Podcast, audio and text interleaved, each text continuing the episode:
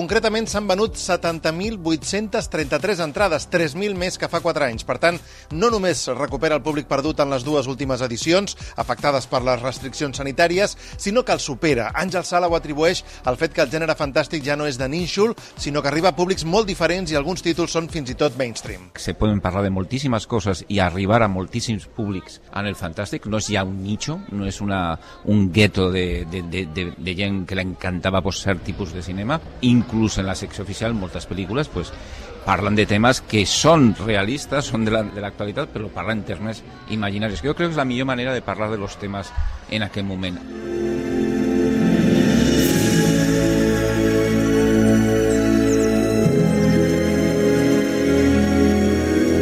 Les últimes hores, el director nord-americà Ty West ha rebut el Premi Màquina del Temps i ha presentat un dels films amb què més ha disfrutat el públic de Sitges, Pearl, Perla, preqüela de X, que ja es va estrenar amb èxit fa uns mesos.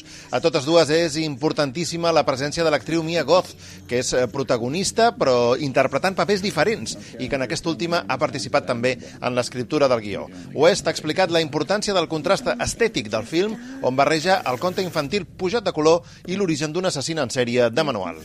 Crec que estèticament era important tenir una estètica molt rica, infantil, eh, com les pel·lícules de Disney, així generalment. I era un contrast interessant del que passava a la ment de la Pearl.